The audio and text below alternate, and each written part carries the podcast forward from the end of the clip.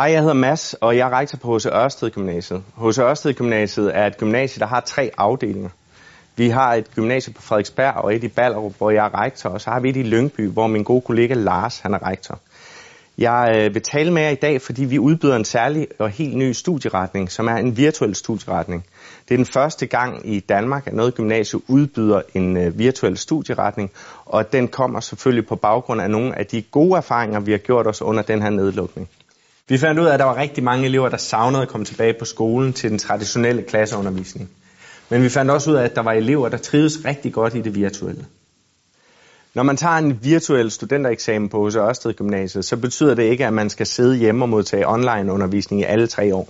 Man skal være 20% på skolen, og det er fordi vi har laboratoriefag og værkstedsfag, og dem tager man på skolen. Man skal også møde sine klassekammerater, man skal også på studietur. Men 80% af undervisningen er virtuel. Studieretning det er en IT-studieretning, hvor man har kommunikation, IT og programmering som studieretningsfag, og studentereksamen er adgangsgivende fuldstændig på linje med andre studentereksamener, man kan tage. Hvis du vil høre mere om studieretningen, så er du meget velkommen til at kontakte os eller gå ind på vores hjemmeside hcogym.dk.